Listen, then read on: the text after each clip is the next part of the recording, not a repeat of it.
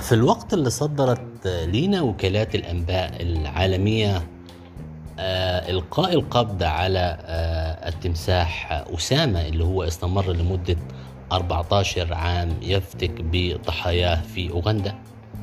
كانت الصحف المحلية المصرية في عشرينات القرن الماضي تهتم أيضا بهجوم الحيوانات المفترسة على على الأهالي والسيطرة عليها. فماذا حدث عام 1923 الصحف اليومية المحلية المصرية أوردت صورة لتمساح يحوط مجموعة من آه، آه، الأهالي قاموا آه، بقتل.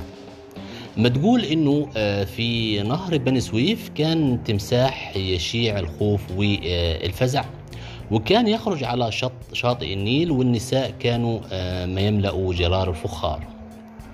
وما تقول إنه غفير شرطة وجه له رصاصة قاتلة فقتله.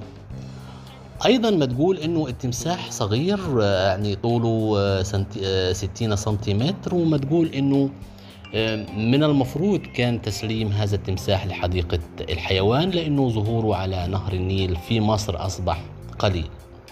كمان اهتمت الصحف بوقائع فردية عن هجوم حيوانات مفترسة على بعض الأهالي وقيام الأهالي بالسيطرة عليها.